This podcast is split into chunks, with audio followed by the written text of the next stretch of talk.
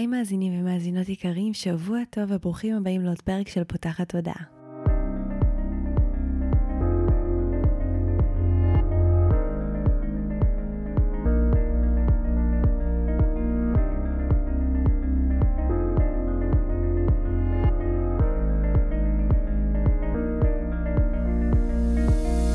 הפעם הראשונה שלכם כאן, פותחת הודעה היא תוכנית שנועדה להעביר רעיונות, לאתגר תפיסות קיימות ולפתוח את צורת החשיבה האוטומטית שנהוגה אצל כולנו לכל מיני כיוונים חדשים במטרה להכניס לחיים שלנו יותר כלילות, שלווה, זרימה, אהבה, קרבה וחופש, גם במערכת היחסים שלנו מול עצמנו וגם במערכות יחסים נוספות. אני ניצן אלפסי, אני מנחה של הפודקאסט הזה, ואני מאמנת תודעתית ומלווה תהליכי העצמה אישית בעזרת כלים מעולמות התמודע, האנרגיה והרוח.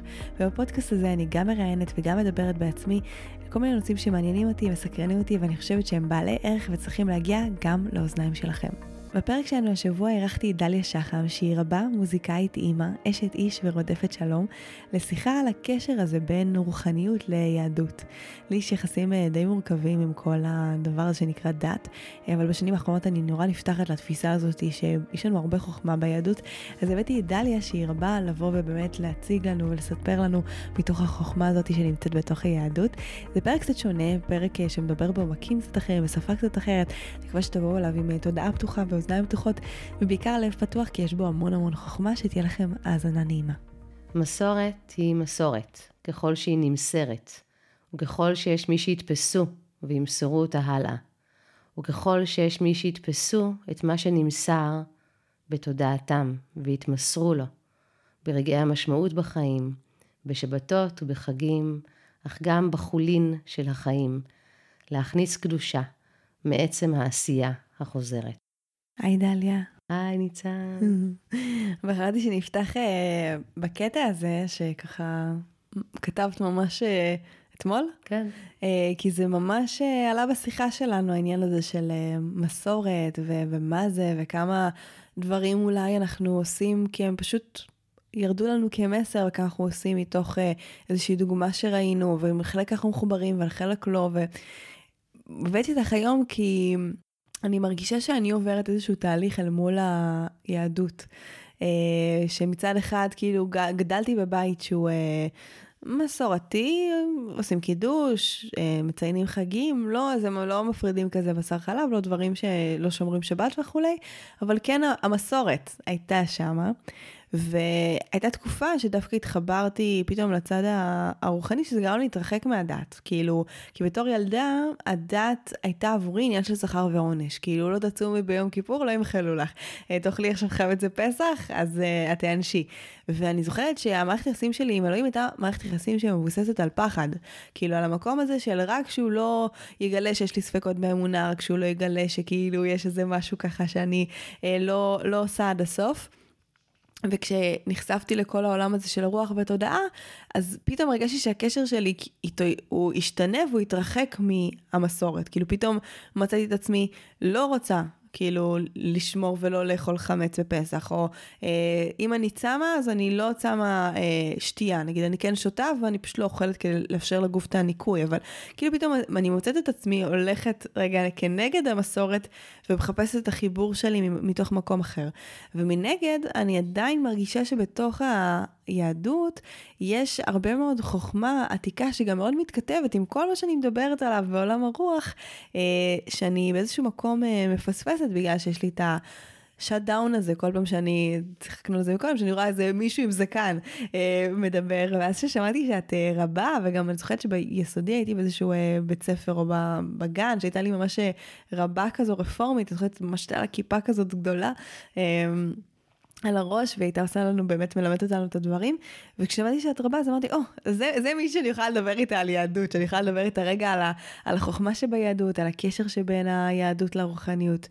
אמ, אז אני אשמח לשמוע ממך כאילו איך, איך הגעת בכלל למה שאת אה, מתעסקת ואולי זה יפתח לנו צוהר כזה לשאר השיח. וואו תודה באמת אלה גם הפתיחות הזאת הכנות העצם הנכונות להגיד אני זה מעורר בי תחושות. Uh...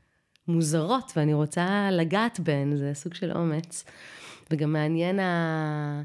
אמ, ההבדל, אני גדלתי במשפחה חילונית, למרות ששני ההורים שלי הם שניהם נכדים של תלמידי חכמים ורבנים, אולי גם בגלל mm-hmm. כל מיני, יודעת, הדרך, ה, כן, איך שהשורשים גודלים ומצמיחים אותנו. אז uh, הבית שבו גדלתי היה בית במובהק uh, אתאיסטי, ו, ומתנגד רעיונית לכפייה דתית. Um,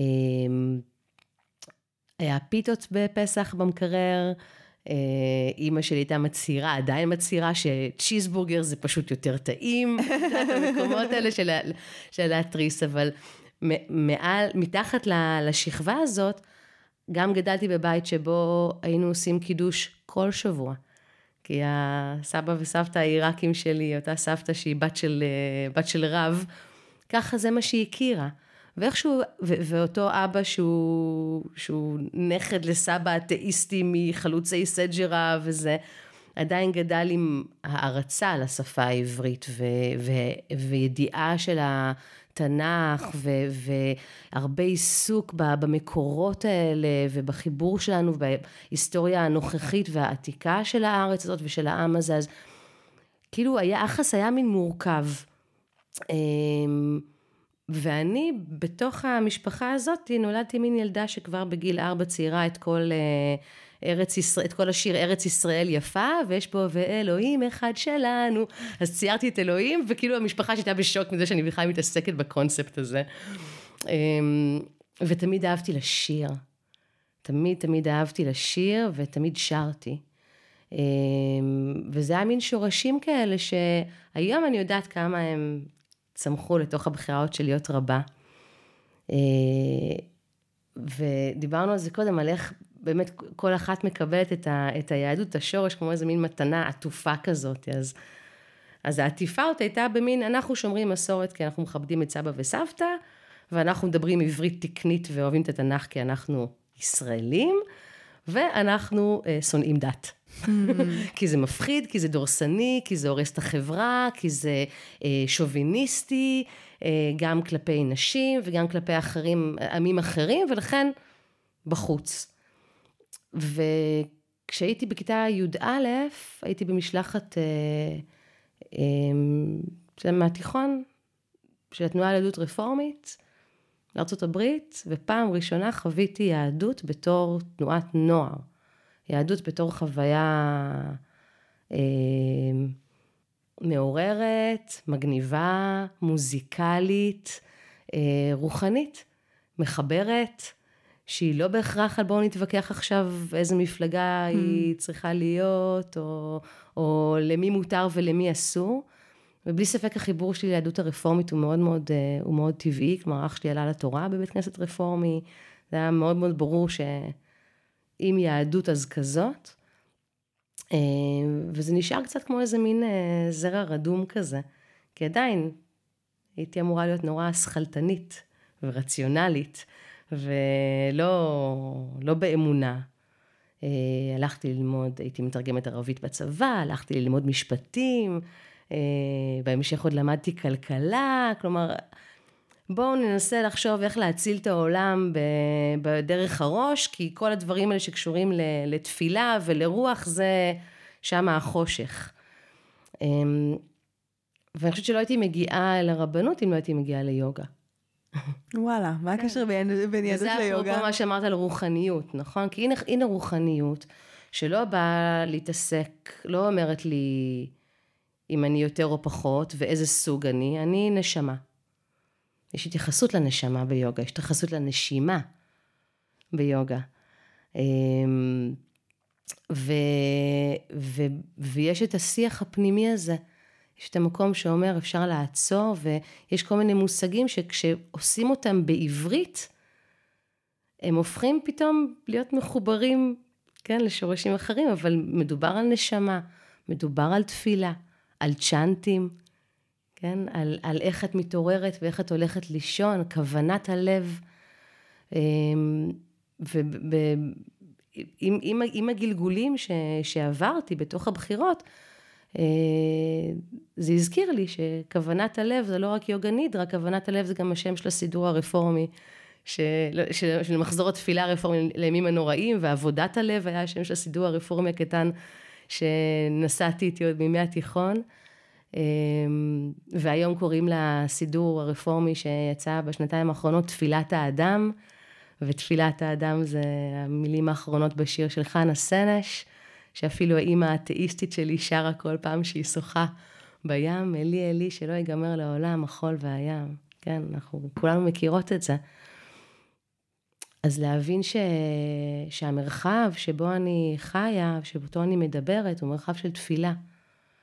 אני חושבת שדרך זה הגעתי, אה, גם דרך זה, זה עוד מין שביל פתלתל שהביא אותי אל הבחירה ברבנות, שאני מתחברת לרוחניות, כי אני חושבת שהעבודה הזאת של, ה... של האחדות, אחדות ההוויה, זה הרעיון של יוגה, זה גם הרעיון של שמע ישראל, כן? אדוני אחד. שהרעיונות האלה מתחברים, והם אלה שאליהם אני מתחברת גם, אה, כשאני מבררת את, ה... את הדרך שלי בעולם, את הדרך שלי להשפיע, אה, לשנות. האימהות הביאה אותי אל הרבנות, ו- וספציפית, יש גם, יודעת, את הרגע, נכון, יש מין שבילים מפוצלים כאלה שאנחנו נעות בהן, ויש לנו חלקים שונים ב- באישיות שגדלים בצורה אחרת, ואז רגע ככה שהתנקז, וזה היה אה, אה, בשנת 2014, הבן שלי היה בן שנה, הקיץ, מלחמה, טילים, אה, ואני עם התואר שלי במשפטים ובכלכלה והעבודה שלי בארגוני שלום וכל מיני ניסיונות בכתיבה, בניתוח מדיניות, כל זה לא היה נראה לי רלוונטי בתור אימא לתינוק בן שנה ולא יכולתי למצוא את עצמי לא בהפגנות ולא בכתיבה ולא בהתארגנויות, פשוט הלכתי להתפלל. כשאת אומרת להתפלל זה התפילה דתית? כאילו ממש עם הסידור ועם ה... עם המילים של, ה... אז... של היהדות, או, או זה גם אולי רגע מקום באמת להתבונן בכלל בדבר הזה, תפילה, נכון. שהוא, שהוא הרבה יותר עמוק. המון פעמים אני מוצאת את עצמי, שנגיד הייתי לפני כמה זמן בקבר רחל, וכאילו חילקו את הברכות שאומרים. וכאילו הייתי שם והסתכלתי וכזה אמרתי, לא יודעת, אני כאילו, אני לא, המילים האלה זרות לי, אני אפילו לא יודעת איך, איך להגות אותם נכון, ואז התחברתי פשוט רגע ל, לכוונת לב הזו שדיברנו עליה ולרצון הפנימי הזה. אז מעניין אותי איך את רואה תפילה, ב, ו, ואיך את מסתכלת על המילה הזו בכלל ועל המשמעות שלה ועל, ועל האקט הזה בכלל, ככוונה. כן, זו שאלה נהדרת. אה, אז כן, באמת יש את המקום של כן, תפילה בתור הטקס שבו נמצאים ביחד או לחוד ואומרים את מה שנמסר לנו, אפרופו, כן, המין המילים האלה. ואז לפעמים תפילה זה זה. לפעמים תפילה זה זה. אני מרגישה שהמעשה הזה הופך להיות תפילה רק כשיש הלימה בין ההקשר, בין כוונת הלב לבין המילים שעולות מתוכה, או, לפח, או, או מחשבות, אפילו עם צבעים, כן, רעיונות, שעולות מתוך כוונת הלב והצורך הזה, לבין הסיטואציה. אמ, ספציפית אז בקיץ 2014, אה, מצאתי את התפילה בתשעה באב, במגילת איכה. זה היה קיץ כל כך לוהט ובוער, וכל כך הרבה כעס, וזה פתאום אמרתי, רגע, מה התאריך? אה, יש לזה משמעות לתאריך הזה. גם למה יש משמעות לתאריך הזה? זה קשור להיסטוריה, התחלתי לקרוא את יוספוס פלביוס, מלחמת היהודים ברומאים, את הרקורד הזה מלפני אלפיים שנה על, על איך חרב בית המקדש השני. אמרתי, אני צריכה שנייה פרספקטיבה. פתאום הנה, יש פה הזדמנות, איזה יום באמצע הקיץ, שבו אנחנו נקראים לעמוד בסוג מאוד מסוים של תפילה, שהיא קינה, בקוף, כן? כלומר, המקום הזה של ביחד לזעוק איזשהו כאב, והכאב הזה הוא כאב, אפילו אם לא קורה לי, בגופי, בנפשי, משהו, יש איזה, לרקמה האנושית הזאת עכשיו כואב משהו, ואנחנו נקרא, נקראות, לתת לזה את הדעת, ספציפית נקראות, מגילת איכה היא כל כך נשית. חמישה פרקים, הפרק השלישי הוא בלשון זכר, הפרקים שמסביב בלשון נקבה, מאלף עד דף פסוקים של הבעת כאב. ו... וזה היה רגע כזה. אמרתי, או, אני יכולה עכשיו, אני יכולה במקום להיות במקום של בואו נתדיין על מה כן לעשות או מה לא לעשות ומה כן יעזור ומה כן צודק. ומה... אנחנו נמצאים ביחד, הייתי אז, פניתי לקהילה הרפורמית שהייתה קרובה לביתי, פגשתי את הרבה תמר קולברג, ותוך שבוע ליוויתי אותה, ארגנו ביחד את, את, את קריאת המגילה ואת הערב הזה של התפילה. אז ממש הטקסטים העתיקים עזרו לי שמה. מעניין אותי כשאת מדברת נגיד על, על תשעה באב, על דברים כאלה, את, את מרגישה ש... איך אני אשאל את השאלה הזו? בסוף אני מאמינה שיש לנו תודעה קולקטיבית. וגם עם אנשים שהם לא מתחברים ליום הזה, יש איזושהי השפעה. נגיד, השנה ראיתי שזה יוצא ביום ראשון, וממש כתבתי בסימן שאלה, האם אני מציעה ב- ביום ראשון הזה פודקאסט? כי, וזה משהו שכאילו פעם בכלל לא הייתי מסתכלת עליו בתוך הזה, ופתאום הוא נוכח.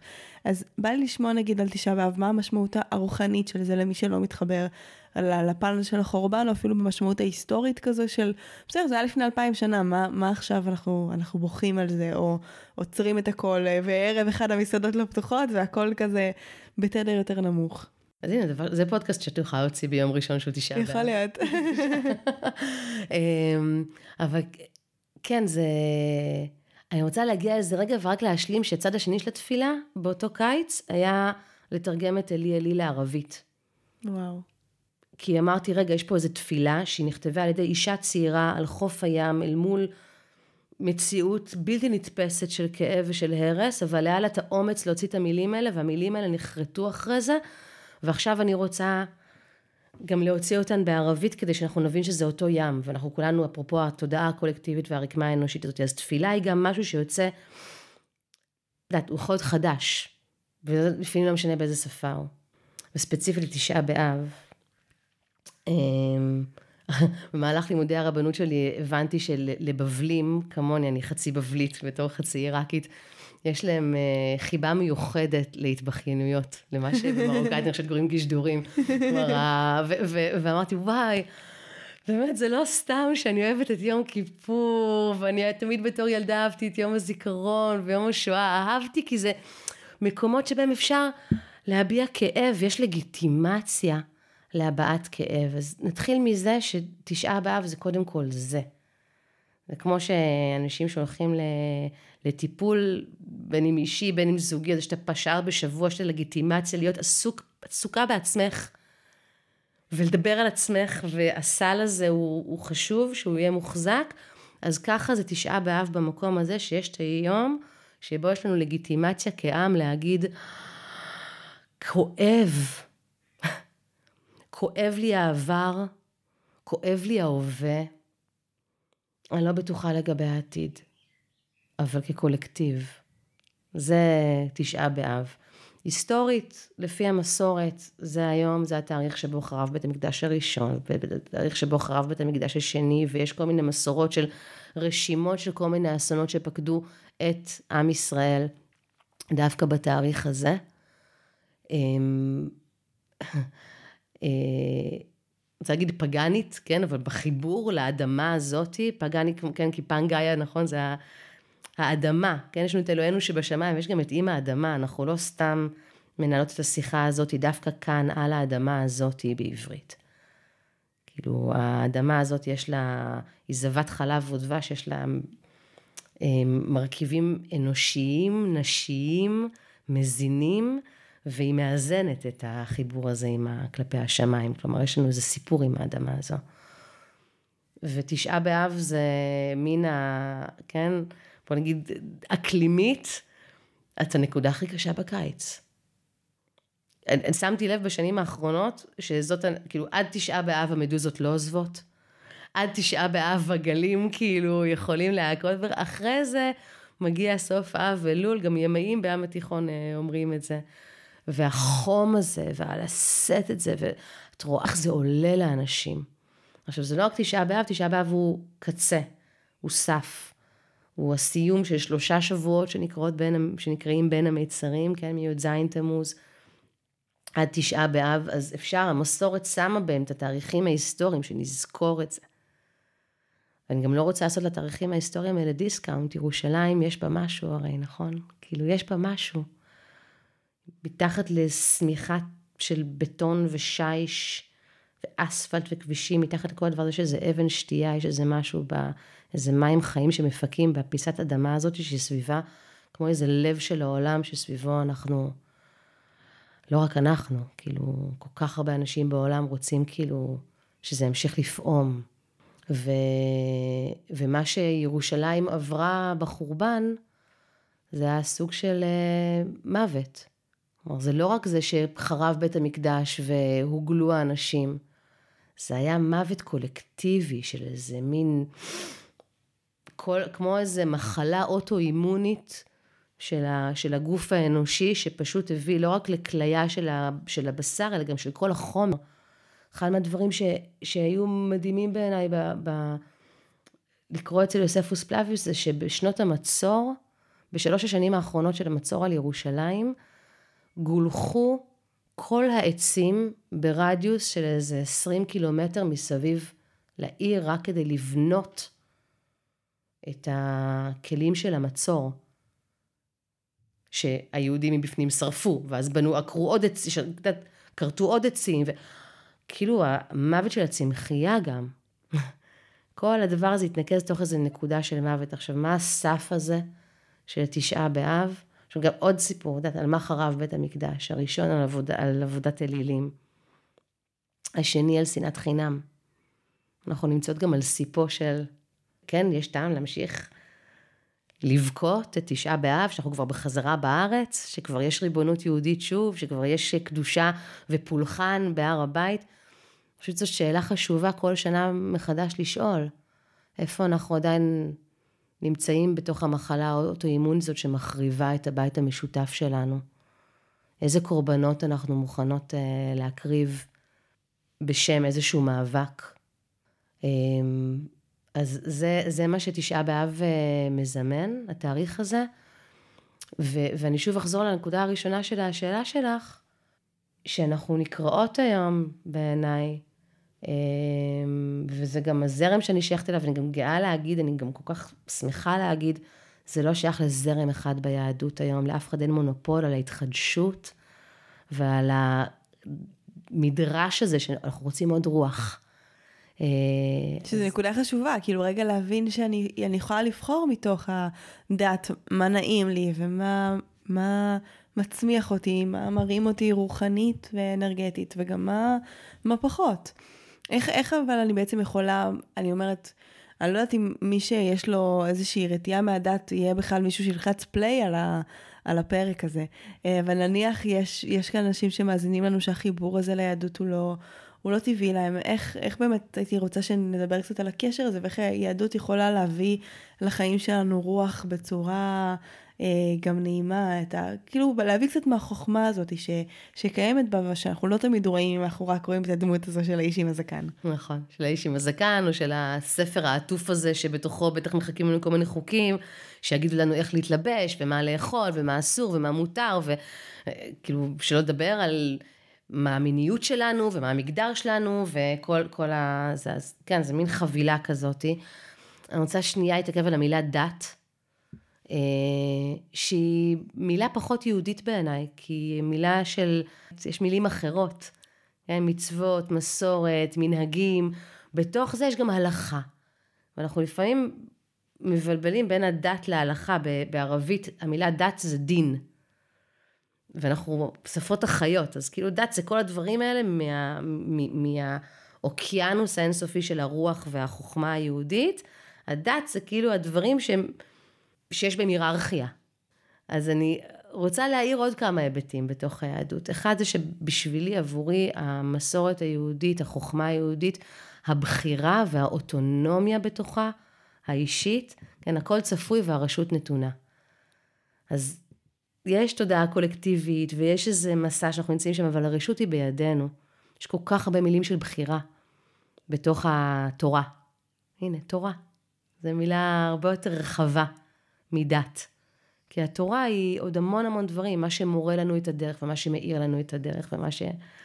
אז הוא בחרת בחיים, כן, הוא בחרת בחיים, יש כל כך הרבה ואהבת ואהבת, יש כל כך הרבה ציוויים שהיהדות בעצם שה, כן, שה, שהתורה, שהיהדות, שהעברית, מזמינה אותנו לנסות. אז זו כבר דרך אחרת אולי להסתכל על זה, בתור הזמנה. כשקיבלו בני ישראל את, את התורה מסיני, אמרו נעשה ונשמע. להתנסות, להתנסות במשהו. זה דרך, אחר, דרך אחת להסתכל, זה להגיד, רגע, יש פה איזה משהו, זה מעניין אותי. זה, זה מעניין אותי, כן? למשל, מה שדיברת עליו קודם על, אה, על צומות, כן? או מה, מה הסיפור עם, עם, עם כאילו, התזונה. איזה יחסים אני מוכנת עם התזונה שלי. או משהו שקשור נגיד לתפילה, לכוונת הלב, איך אני עושה את הכיוון הפנימי הזה. אז יש מין אוקיינוס שלם של ידע בתוך היהדות שמזמין אותנו להתעכב על כמה שוניות, להגיד, רגע, אולי אני מנסה שנייה את הגישה החסידית הזאת, אולי אני אנסה שנייה את הגישה הקהילתית הזאת. זה לעשות, ואז לשמוע. ולפעמים יש דברים שאני אעשה, ומה שיישמע לי מזה פחות יתאים לי. אני חושבת שזה פחות משרת אותי. וזה בסדר, אפשר גם להשאיר את זה רגע בצד. וגם באמת לתת את התשובה אותי של מה לא. כן? למה אני נרתעת מזה? זה שורש שלי. יש לי יחסים מורכבים איתו כי הוא בחיים שלי. מה יש במערכת יחסים הזאת שמבקש ממני תגובה, שמפעיל אותי? אז זה דרך אחת את להסתכל על זה. דרך אחרת, מכיוון אחר, מכיוון שנעשה ונשמע, זה להגיד איפה זה בחיים שלי כרגע, כן? שבת. זה, יש לזה משמעות כלשהי בשבילי? מה, על שבת נאמרנו שמור וזכור. יוצא שעברה שבת ולא היה לי מושג שזה שבת? אני חושבת שלהרבה אנשים לא כל כך. לרובנו, שבת יש לה איזושהי משמעות, יש לה טקסים מסוימים. דיברנו על זה, אמרת, נכון, אמרת גם בפתיחה, שלא התחתנת דרך הרבנות. חשוב גם לדעת, הרבנות היא מוסד, כאילו, היא המצאה ממש חדשנית בשלושת אלפים שנה של קיום יהודי. ממש ממש גם מאוד מאוד טריה, וגם די חדשנית. כאילו, מוסד ששייך למדינה, ושכאילו, ושאנשים יכולים לבחור ללכת לקבל שירותים ולהיקבר ולהינשא ולהתגרש ולרשום ילדים רק לפי הזרם הזה, והם לא יכולים לבחור לעשות להם רבנים במרחבים אחרים. לא היה קיים, לא קיים גם במקומות אחרים בעולם היהודי, חוץ מבישראל. אז גם, גם להסתכל על זה ככה, אבל זאת אומרת, לא התחתנתי דרך הרבנות, אבל עדיין, עמדת תחת חופה. כן, והיה מישהו שקידש אותנו, והיה... אתם קידשתם זה את זה, והיה מי. שהנחה את הטקס והחזיק. את המעמד, וברכו אתכם שבע. ברכות. נכון? נכון. ואיליה שבר כוס. נכון. אז, אז הבחירות האלה, כן, ואפילו, ואפילו אם להגיד, אני בחרתי להתחתן ולא לשבור כוס. זה גם בחירה יהודית. זה ההתמודדות הזאת, להגיד, רגע, מה אלוהים רוצה ממני? הרצון הרוחני הזה להגיד, רגע, יש איזה רוח, אני רוצה לחוש בה. היא לא מוחשית, היא לא פיזית, אני רוצה לחוש בה. איפה המקומות שבהם אני מוצאת את הקדושה, והקדושה אותי האלוהים שלי. זה יכול להיות בטקס מסוים בשבת, שהטקס הזה הוא לא כשר הלכתית, כי הוא כרוך בפעם בחודש לנסוע לחברים האלה ספציפית ולעשות איתם על האש, אבל זה טקס. כאילו, זה, זאת שבת, וזה יקרה רק בשבת. כן, או כל, כל דבר אחר שהוא מבדל את היום הזה משאר הימים, כל בחירה בתוך היום הזה של להגיד, אבל עכשיו אני לא עונה לאס.אם.אס הזה. היא בחירה ש, שבה בעצם קילפתי את המתנה הזאת שקיבלתי, וראיתי שבתוכה יש לי לגיטימציה, לא רק לגיטימציה, מצווה. מצווה היא גם זכות וגם חובה. כן, משהו שמישהו אמר לי, תעשי את זה. וכשאני עושה את זה אני מגלה, וואי, איזה כיף, תודה. נכון? זה נכון מעניין, כי הרבה פעמים... נכון, אבל זה מצחיק, כי כאילו הרבה פעמים מצווה, אז יש פה ציווי, וציווי הרבה פעמים יכול לשים אותנו במקום כזה מכוות של אני חייבת לעשות את זה, או אם אני לא אעשה את זה, אז השכר ועונש הזה. בא לי לשמוע גם מה את חושבת על זה, כאילו על המקום הזה של הרבה פעמים אנשים חווים את הדת כשכר ועונש, ואני חושבת שבמהות שלה היא לא כזאת. תראי, גם, גם, ב, גם ביוגה, גם בבודהיזם, יש את הרעיון של קרמה, של סיבה ותוצאה. סיבה ותוצאה קיימת בתוך, ה, בתוך המרחב שלנו, לבחירות שלנו, יש השפעה על, אה, על, על, על, על החיים שלנו. החיים שלנו עשויים מהבחירות שלנו. ויש את ה... ב, אני חושבת שזה בספר אה, חבקוק, יש את הפסוק, וצדיק באמונתו יחיה. שזה קטע בתלמוד שאומרים כמה מצוות יש, יש 603 תרי"ג מצוות וככה וככה, ואז אומרים כן, אבל בתהילים הזה זה רק 11, ואז בישעיהו זה רק 6, ובסוף אומרים, מספיק אחת, צדיק באמונתו יחיה. איזה אמונה מחיה אותי. כאילו, אני חושבת, אני, יש המון דרכים לפ, לפרש את הפסוק הזה, אבל להגיד, יש איזה צדק בלבחור את האמונה, בלקיים את האמונה שמחיה אותי. שמזרימה את אנרגיית החיים במרחב שהוא הגוף שלי, שהוא הנשמה שלי, שהוא המשפחה שלי, שהוא החברה, שהוא הרקמה הזאתי שמתפתחת. אז זה צד אחד, את להסתכל על, על מצוות ועל הקרמה הזאתי. אמ, אחד, מה, אחד מהדברים שהתפילה הרפורמית, כמו שהתנועה הרפורמית שינתה, יש כל מיני שינויים שבעצם נעשו, והם נעשים עכשיו גם בזרמים אחרים ובכל מיני סידורים, כי אנחנו כל הזמן בעצם, התפילה חייבת להיות משהו חי, אה, כדי שהיא תהיה מהותית. אז אחרי קריאת שמע יש פרשות שקוראים, אז אחת היא ואהבת, ואהבת את אדוני אלוהיך בכל לבבך, בכל נפשך, כאילו, ההתחייבות הזאת לאהוב, ואז הפרשה הבאה, והיה עם שמוע.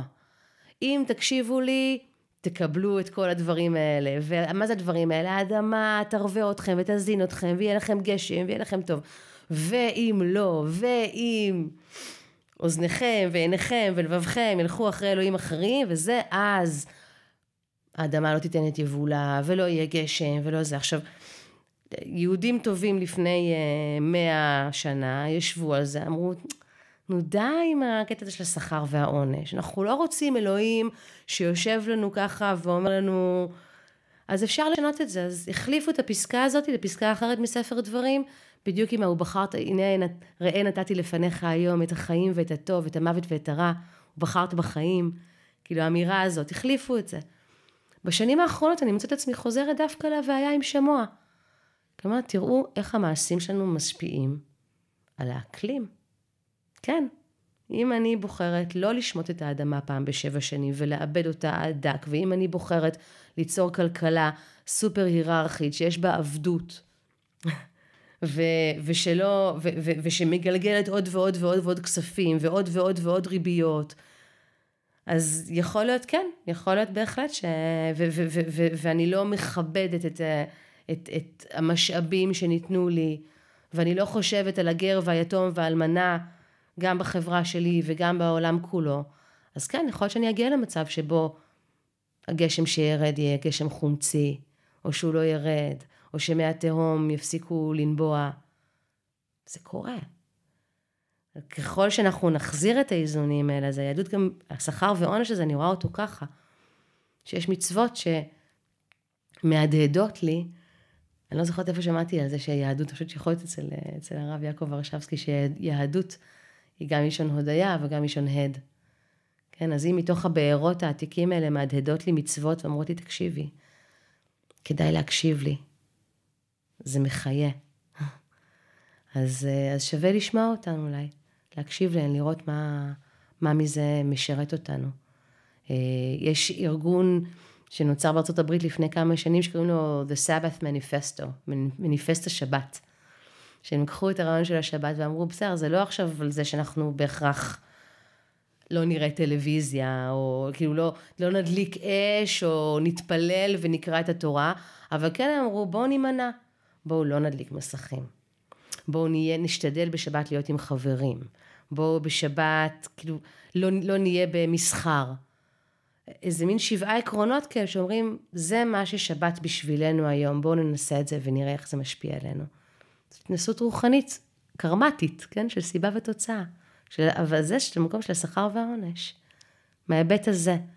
אני, אני מאוד חוששת ממערכות אמונה אמ, ש, שמנסות להניע אותנו בעזרת אשמה ופחד.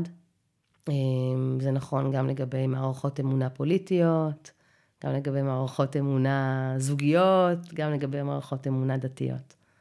אה, יש כל כך הרבה מניעים אחרים, בגלל זה גם באמת המצווה הבסיסית הזאת של ואהבת. לאהוב את האלוהים, לאהוב את הצלם של הנשגב הזה שיש בתוכנו, את הנשמה שלנו, להקשיב לה, לאהוב את הזולת, לאהוב את השונה. כל אלה מצוות ש... שהתרגול הרוחני הוא... אני חושבת שיש לצידו שכר ועונש. כן, ובעיקר שכר כשמתרגלים אותן. תפס אותי מה שאמרת על העניין הזה של אה, נברא בצלמו. איך בעינייך, אה, אני אשאל את זה אחרת, מה ההשפעה של זה שיש לי קונפליקטים מאלוהים אם אני בסוף נבראתי בצלמו? איזה, לא רוצה לקרוא לזה מחיר אני משלמת, אבל איזה כאילו אפקט זה מייצר אם יש לי בעצם קונפליקט עם האלוהות הזאתי, אה, שהיא מתקיימת גם בתוכי בסוף. וואו.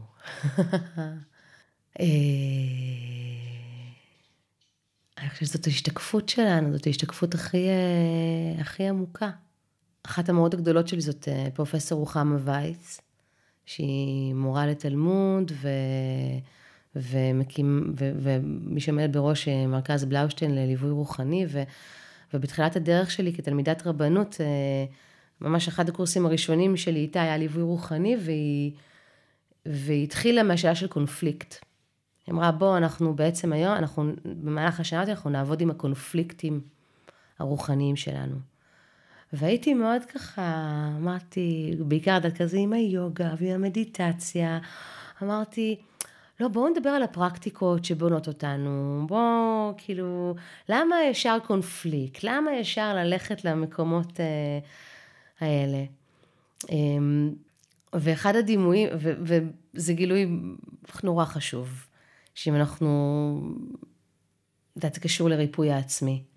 אם אנחנו לא נוגעות בכאב, אנחנו לא נוגעות במקומות שבהם אנחנו מרגישות מפוצלות, אז אנחנו גם לא נגיע לאחדות. אם אנחנו לא נוגעות בכאב ולא נוגעות במה שדורש ריפוי, לפעמים כל מה שנדרש זה שנרפה מזה, אבל אנחנו לא יכולות להרפות ממשהו שלא אחזנו בו קודם. אז המקום של לגעת בקונפליקט, זה קודם כל שער, כן? זה שער לגילוי עצמי.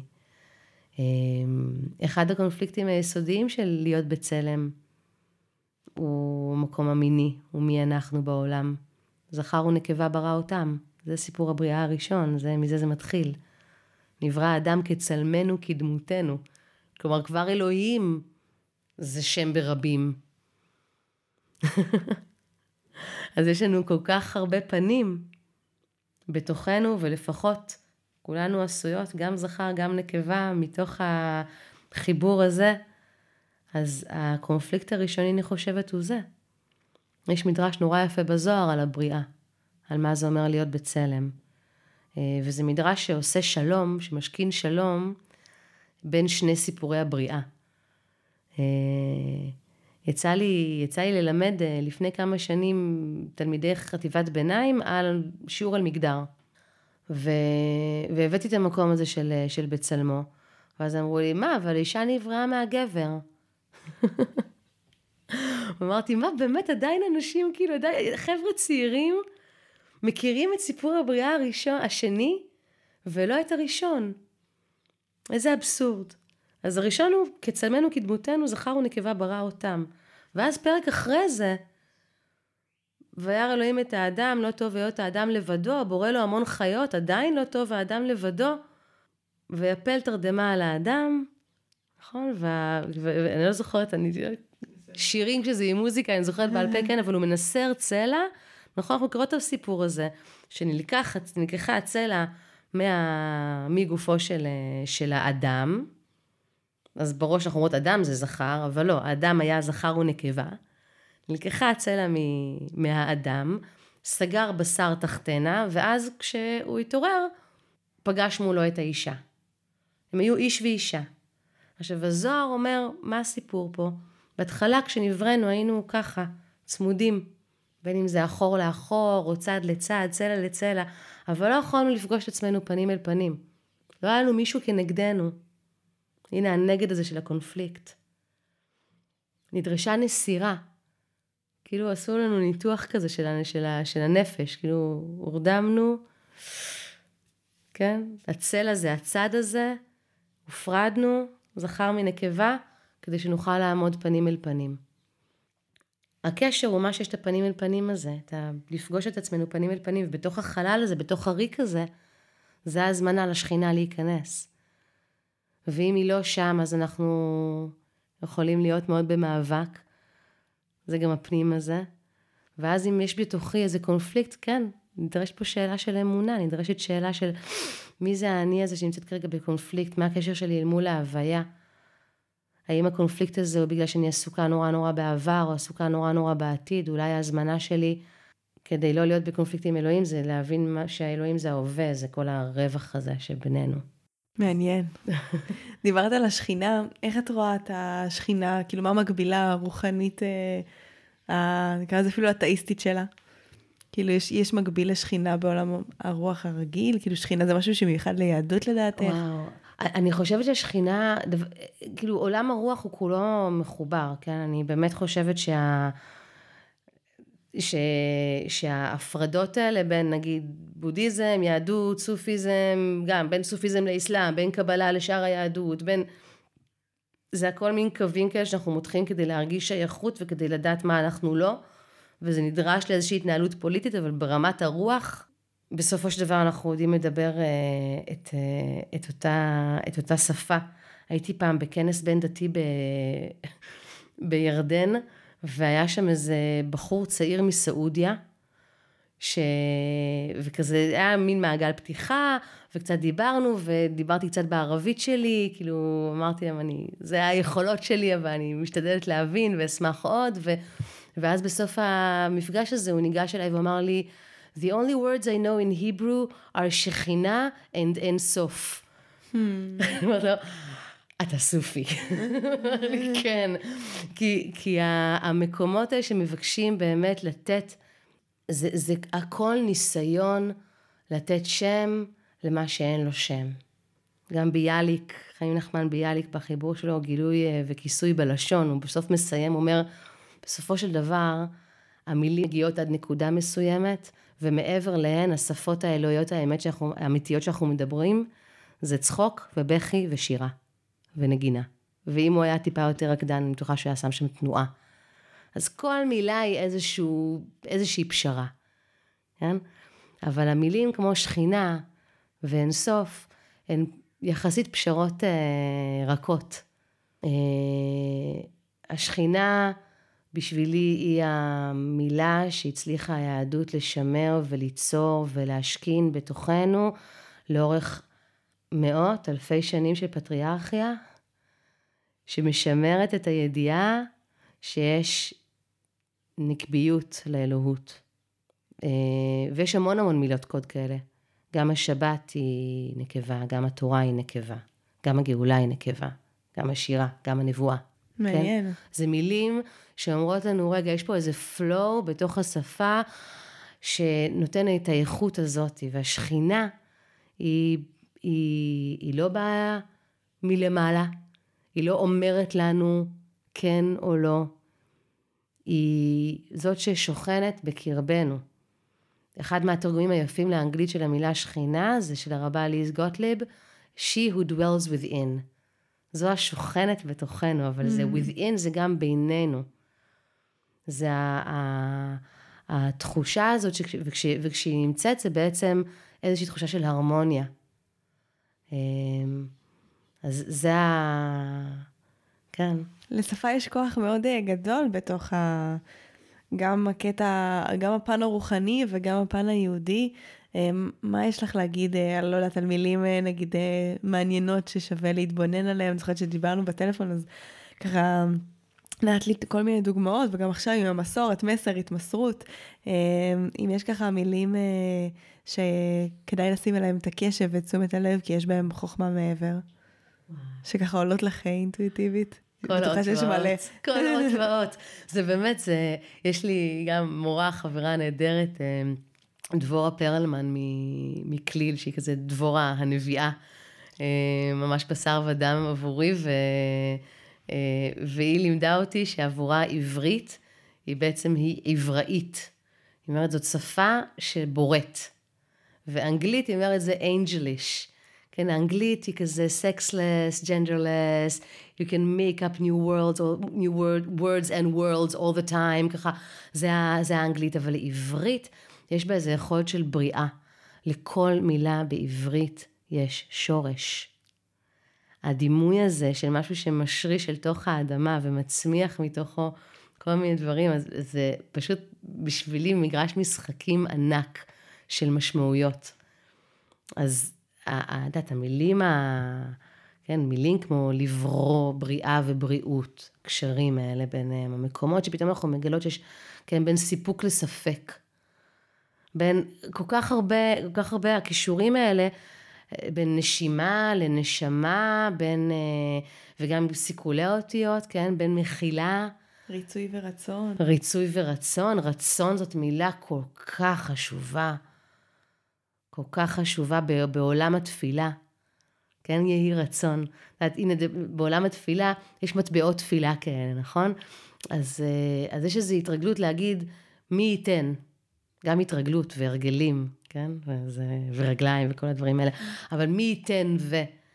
ואני לא אוהבת להגיד זה מי ייתן ו... כי אני אז גם, כאילו... משליכה את זה החוצה. אני משליכה את זה החוצה, וגם, את יודעת, תשומת לב למגדריות של השפה, אז איזה מישהו שאמור לתת לי, יהי רצון. יהי רצון. הרצון זה יכול לבוא מתוכי, יכול לבוא מכל שדה הרצונות האינסופי הזה, כן. אה, שווה לשים לב לכל מילה שמהדהדת בי. ו... ואז לפעמים, אתה כן, לחפש אולי איפה היא מופיעה. מה ההקשר שבו היא, היא מגיעה, בין אם זה בשירה, ובין אם זה בתפילה, ובין אם זה במקרא ובמקורות. אה, זה ממש עולם, אה, עולם נורא יפה של גילוי. ואני חושבת שזו זכות גדולה, אני... זו זכות גדולה לחיות בעברית. אחד מהדברים שאולי קשה איתה עם האריזה הזאת של הדת היהדות, ולי אישית בתור אימא לבן, וגם מישהי שלפני שהייתה אימא לבן, רק רצתה שלום על פני האדמה הזאתי, אחד הדברים הקשים שיש ביהדות היום בעיניי זה גם השימוש בה בתור הצדקה לאלימות, או התפיסה הזאת שכאילו ש... המדינה היהודית והציונות וכל הערכים האלה הם שלובים גם יחד לכדי איזה משהו מאוד מאוד לוחמני. אמ, אז גם עבורי באיזשהו מקום כל הכאב הזה היה אולי שווה בשביל לחזור אל העברית. בשביל לחזור אליה, בשביל לחיות בעברית על האדמה הזאת. ואני חושבת שיש לנו גם אחריות בתור אה, דוברות ודוברי העברית על האדמה הזאת, ללמוד את, ה... את הציוויים שדרכם אנחנו יכולים גם ויכולות להגיע אל השלום. שלום זאת מילה חשובה. שלום זאת מילה גדולה, גם בתפילה, גם כל דרך רוחנית, אה, וגם בעשייה המעשית. והמסיעה היומיומית שלנו. ויש, אני מוצאת נחמה בנבואה היהודית ובמקומות שבהם אני באמת רואה את הערכים של, ה, של השלום, של צדק, של זכויות אדם, אה, באים לידי ביטוי בשפה שלנו ובמקורות שלנו. מדהים. מעניין אותי, אני בתקופה שאני ככה חוקרת הרבה את הירח ואת ההשפעה שלו עלינו, אה, בתור נשים בעיקר, ואני מאמינה שהוא משפיע באותה מידה גם על גברים, אה, ואני יודעת שהיהדות בסוף, וכל החגים היהודים הם מחוברים לירח. אה, יש מה שאת יכולה לספר לנו על זה, על, על מולד הירח, על הירח המלא, איך הם קשורים באמת ל, ליהדות ולאנרגיה שהם מביאים. באהבה, אחד הנושאים האהובים עליי. נתחיל מזה שהירח היא לבנה. שגם המאור, היא נקראת המאור הקטן, כן, בסיפור הבריאה של בראשית, ו, ויש איזה מין דיאלוג ב, במדרש בין, בין אלוהים ל, לירח, ללבנה, אחרי ש... מה זאת אומרת, יש שני מאורות גדולים, אז למה יש אחד קטן ואחד גדול? ו... ויש איזו שיחה שבמהלכה אלוהים מקטין את הלבנה, ואז היא אומרת לו, אבל, אבל למה? ואז הוא אומר, לא, לא נורא, יש לך פרסי ניחומים, בך יספרו מועדים ושנים, את נורא נורא חשובה, הלבנה, את נורא נורא חשובה. ובאמת הלבנה היא חשובה קודם כל בתור מימד הזמן. אה, ראש חודש זה נקודת הזמן שאליה מתכנסים. הרגע הזה שבו אין לבנה או שהיא ממש ממש רק מתחילה לזרוח, זה הרגע שבו כקולקטיב במסורת היהודית אנחנו נושאות עינינו לשמיים ומחכים ששני עדים יראו מולד לבנה לפחות ואז משווים עדויות, יש מלא הלכות כדי שאנחנו נהיה ביחד בזמן. הזמן הוא המרחב היחיד, המימד היחיד שבו אנחנו יכולים להיות ביחד. כי במרחב ובגוף אנחנו כל, אנחנו בפרודות, אבל הזמן הוא המימד שבו האחדות יכולה להיווצר. מדהים. בגלל זה הוא גם הוא המימד של הקדושה. השל קורא לשבת ארמון בזמן. אז זה דבר אחד לגבי ראש חודש, כן? שכמה, למה המועד הזה הוא חשוב. וראש חודש עבור נשים, אז אם אנחנו הולכות באמת ל, ל, לרוח הגדולה ולאם האדמה ולתרבויות אה, קדומות, עוד טרום מונותאיסטיות, אז זה הזמן שבו הווסת מסתנכרנת הרבה פעמים, וזה הזמן שבו לשבת ביחד, ואוהלים אדומים וכן הלאה, וזה הגוף באמת, והמחזור הנשי. איזה מעניין שהספר התפילה לימים הנוראים ולמועדים נקרא מחזור. Hmm, נכון זה מעניין? נכון. אז המחזור הנשי הוא מחזור לונארי באמת, ב, בהרבה היבטים שלו, כן? ו, אמ, אבל ביהדות נתנו לזה עוד, עוד הסברים. ללמה זה הזמן הזה, שניתן לנשים. ממש, יש שאלה במדרש, למה ראש חודש ניתן לנשים? יש ראשי חודש במהלך השנה שהם של כולנו, כן? ראש השנה זה חג שחל בראש חודש. בחנוכה, נר השישי תמיד יחול בראש חודש טבת. אבל uh, חוץ מזה, החגים הגדולים שלנו הם בלבנה במילואה, זה הזמן שבו אנחנו נמצאים ביחד, בסוכות, בפסח, בט"ו באב. ראש חודש כחג לנשים, יש כל מיני מדרשים שמסבירים למה זה. ואחד האהובים עליי הוא זה שמדבר על כך שכשבני ישראל חטאו בחטא העגל, אה, הנשים לא היו מוכנות לתת את התכשיטים שלהן, זה היה רק התכשיטים של הגברים, ששימשו ל... ל... ליציקה הזאתי, שנתנה איזו ודאות מוחשית של זה אפשר להתפלל. אה, וכל מה שקרה לעגל הזה, סליחה על המילה, הוא הפך לקקי. כשמשה ירד מההר, הוא לא רק שבר את הלוחות, הוא גם שרף את הזהב ושם את האפר במים והשקע את העם. כאילו, להסביר להם, זהב כזה שניתן ככה, חומר כזה, אין בו רוח. אבל ממשיך המדרש ואומר, כשהגיע הזמן לבנות את המשכן, אפרופו שכינה, נכון? זה גם mm. אותו שורש, כן? נכון. ושכנתי בתוכם. כשהגיע הזמן לבנות את המשכן, אה, אז אנשים הזדרזו. הנשים הן אלה שהזדרזו לתת את הזהב שלהן, לתת את התכשיטים שלהן ולתת את המלאכה שלהן. כל אישה חכמת לב בידיה תבוא. זה עוד דבר שקשור למלאכה הזאת הידנית של הרקמה והתביעה, מלאכות שהיו באופן אה, היסטורי, מסורתי, מלאכות נשיות, הן מלאכות של ידע מאוד מאוד קדום.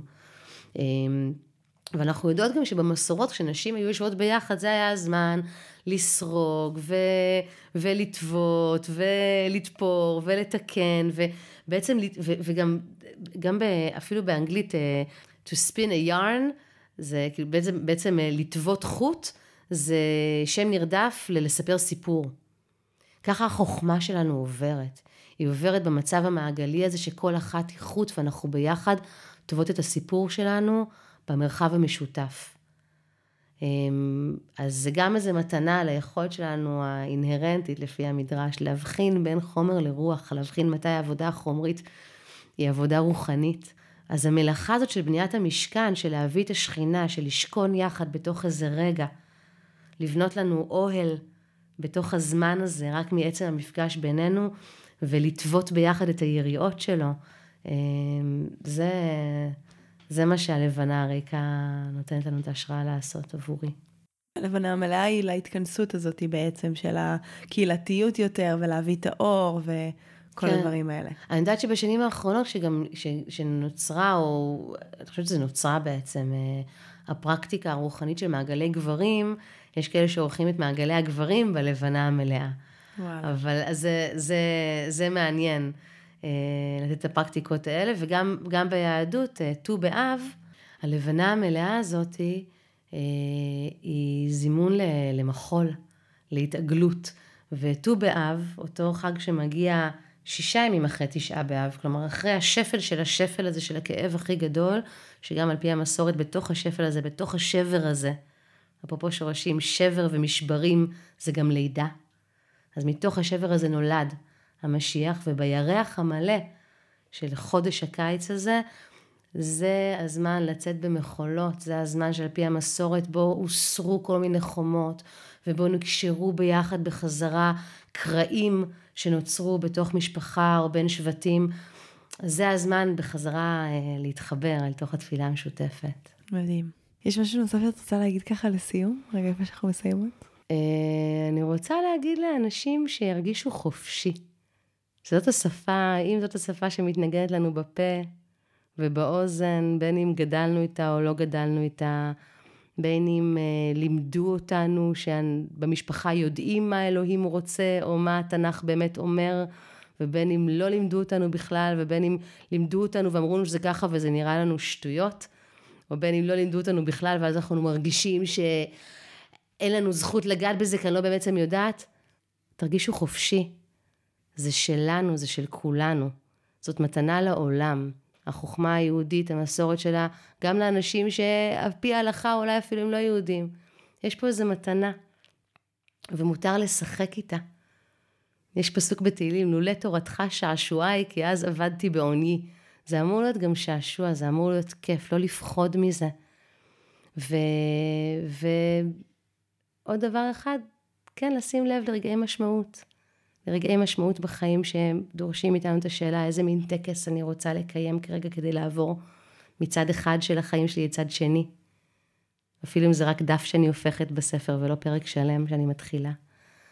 בטח שיש פרקים חדשים שאנחנו מתחילות, איך אנחנו מתחילות את הפרקים האלה בחיים שלנו. אה, ולרגעי משמעות אה, אישיים ביומיום, איך אנחנו מתייחסות אל הזמן. מדהים, תודה רבה דליה. תודה רבה ניצן. אז אם אנחנו רוצים לסכם את הפרק הזה עם דליה, שהוא מלא בחוכמה בעיניי, הנה כמה דברים ששווה לשים אליהם לב. אז דיברנו על אה, רגעים שהם בעלי משמעות במעגל השנה, אה, רגעים שמאפשרים לנו לעצור ולראות איפה זה משתקף בתוכנו, איזה משמעות יש לדבר הזה. כרגע בתוכי אנחנו נתנו את הדוגמה של באמת תשעה באב, אבל כל מאורע במעגל השנה משתקף בתוכנו באיזשהו אופן, והוא איזושהי נקודת עצירה, איזשהו שלט שבא ומזמין אותנו לראות ולעצור בתוך הזמן, לראות איפה זה פוגש בתוכנו. דיברנו על להבדיל בין קודש לבין חול, ובעצם לשאול את מה אנחנו מקדשים אה, ולמה אנחנו מקדישים זמן בחיים שלנו. קדושה מגיעה מתוך ההקדשה הזאת של הזמן, של האנרגיה, של הכוונה, אה, ולשים לב מהם הדברים שאנחנו יוצרים, לאו דווקא הם חייבים להיות כמו שבת, או הדבר, כמו הדברים שקורים בשבת. הם לא חייבים להיות דתיים, אבל הם יהיו הדברים שבהם אנחנו בוחרים להקדיש את תשומת הלב והזמן והכוונה שלנו. דיברנו על המעבר הזה מתודעה של אה, שכר ועונש, שהרבה פעמים מקשרים לדעת לתודעה של סיבה. ותוצאה, שבעצם באה ומזמינה אותי לקחת אחריות על המעשים שלי, ולהבין שלמה שאני זורע וזורעת יש אה, פירות או אי פירות אה, בתוך המציאות שלנו, ומתוך זה לבוא ולא להסתכל על, על המצוות כציוויים, אלא כהזמנות, לבוא ולשים לב למה חשוב לשים דגש, וכששמים עליו דגש, יכולים גם ליצור באמת מציאות טובה יותר באדמה שלנו ובחיים שלנו. דיברנו על החשיבות של לשים לב לשורשים בעברית, למילים שמהדהדות בנו, ואיזה עוד מילים אותו שורש מרכיב, ומה הם משקפים בתוכנו. דיברנו על זה שקונפליקט, אה, בין אם זה עם הבורא, אבל בין אם זה בכלל, אה, הוא חלק מצמיחה רוחנית, ודווקא הפגישה הזו של, שלנו אל מול הקונפליקט תאפשר לנו להתרחב ולצמוח ברמה הרוחנית, אה, ועל זה שבסופו של דבר הכי חשוב זה חופש הבחירה שלנו, לראות מה נוח לנו, מה מתאים לנו, מה מקדם ומה מצמיח אותנו, ומתוך זה לבחור את הדברים הטובים שאנחנו רוצים לקחת מתוך היהדות לחיים שלנו, אז אנחנו ממש מקוות שנהניתם מהפרק הזה, ואם נתרמתם והוא חידש לכם או נתן לכם ערך, אנחנו ממש נשמח שתשתפו אותו ברשתות החברתיות. חברתיות עם אנשים שאתם אוהבים, כל מה שיעזור לו להמשיך הלאה ולהגיע לעוד אוזניים נוספות שצריכות את הידע והמידע הזה. תודה לכם שהאזנתם ונתראה בשבוע הבא.